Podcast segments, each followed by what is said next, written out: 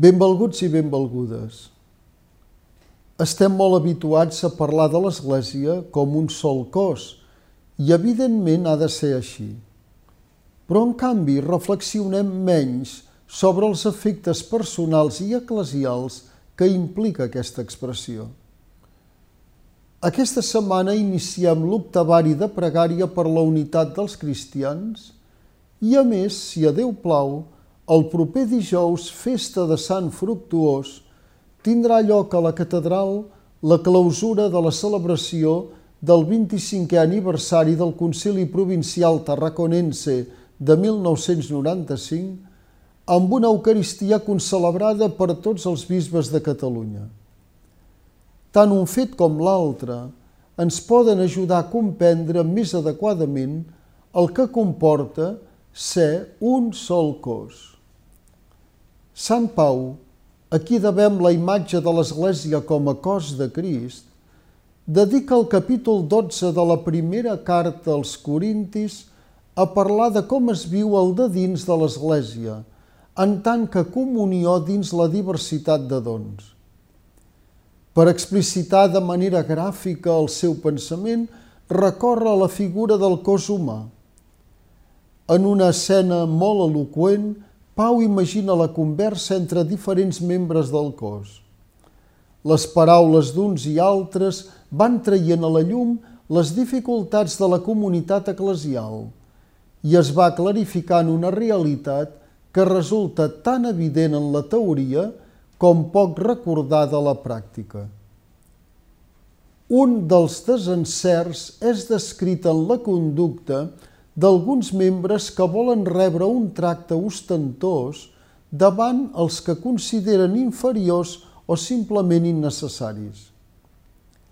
Pau ha de donar resposta a aquesta seriosa i recurrent tendència de l'home sempre procliu a cercar el prestigi personal i ho fa recurrent a la idea dels contravalors del regne, ja que els membres del cos que semblen més febles són els més necessaris, els que ens semblen menys dignes els cobrim amb més honor i els que tenim per menys decents els tractem amb més decència, cosa que no necessiten els membres més decents.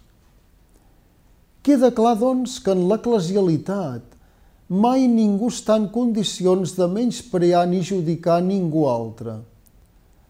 L'altra tentació del cos eclesial és que un membre vulgui ocupar el lloc d'un altre, mentre viu amb insatisfacció la seva actual ubicació. Pau no entra en disquisicions psicològiques, sinó que indica que és Déu qui ha disposat cada membre en el seu lloc adequat i és des d'aquest espai i no un altre que li dona les forces i la saviesa per servir la salut i l'equilibri del cos sencer. El projecte comú, doncs, foragita tota possibilitat d'enveja i rivalitat i fa del cos un jardí multicolor on mostrar la bellesa de Déu. Superar aquestes dues dificultats té un únic objectiu, perquè en el cos no hi hagi divisions, afirma Sant Pau, sinó que tots els membres tinguin la mateixa sol·licitud els uns pels altres hi ha manera més clara d'advertir a la comunitat cristiana de Corint i de tots els temps que la comunió del cos sencer és prioritària a l'individual atresorament de qualitats i virtuts?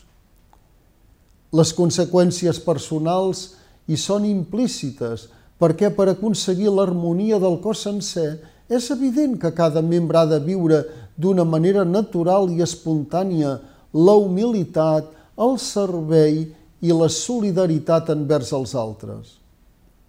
Ja el concili tarraconense urgia els fidels a prendre part activa en la comunitat cristiana amb un esperit autèntic de comunió i ser acollidors de totes i cadascuna de les persones en la seva peculiar situació perquè hi puguin trobar el seu lloc i desenvolupar-hi la seva activitat o servei.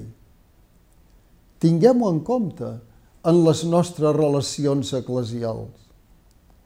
Adeu-siau i fins la setmana vinent, si Déu vol.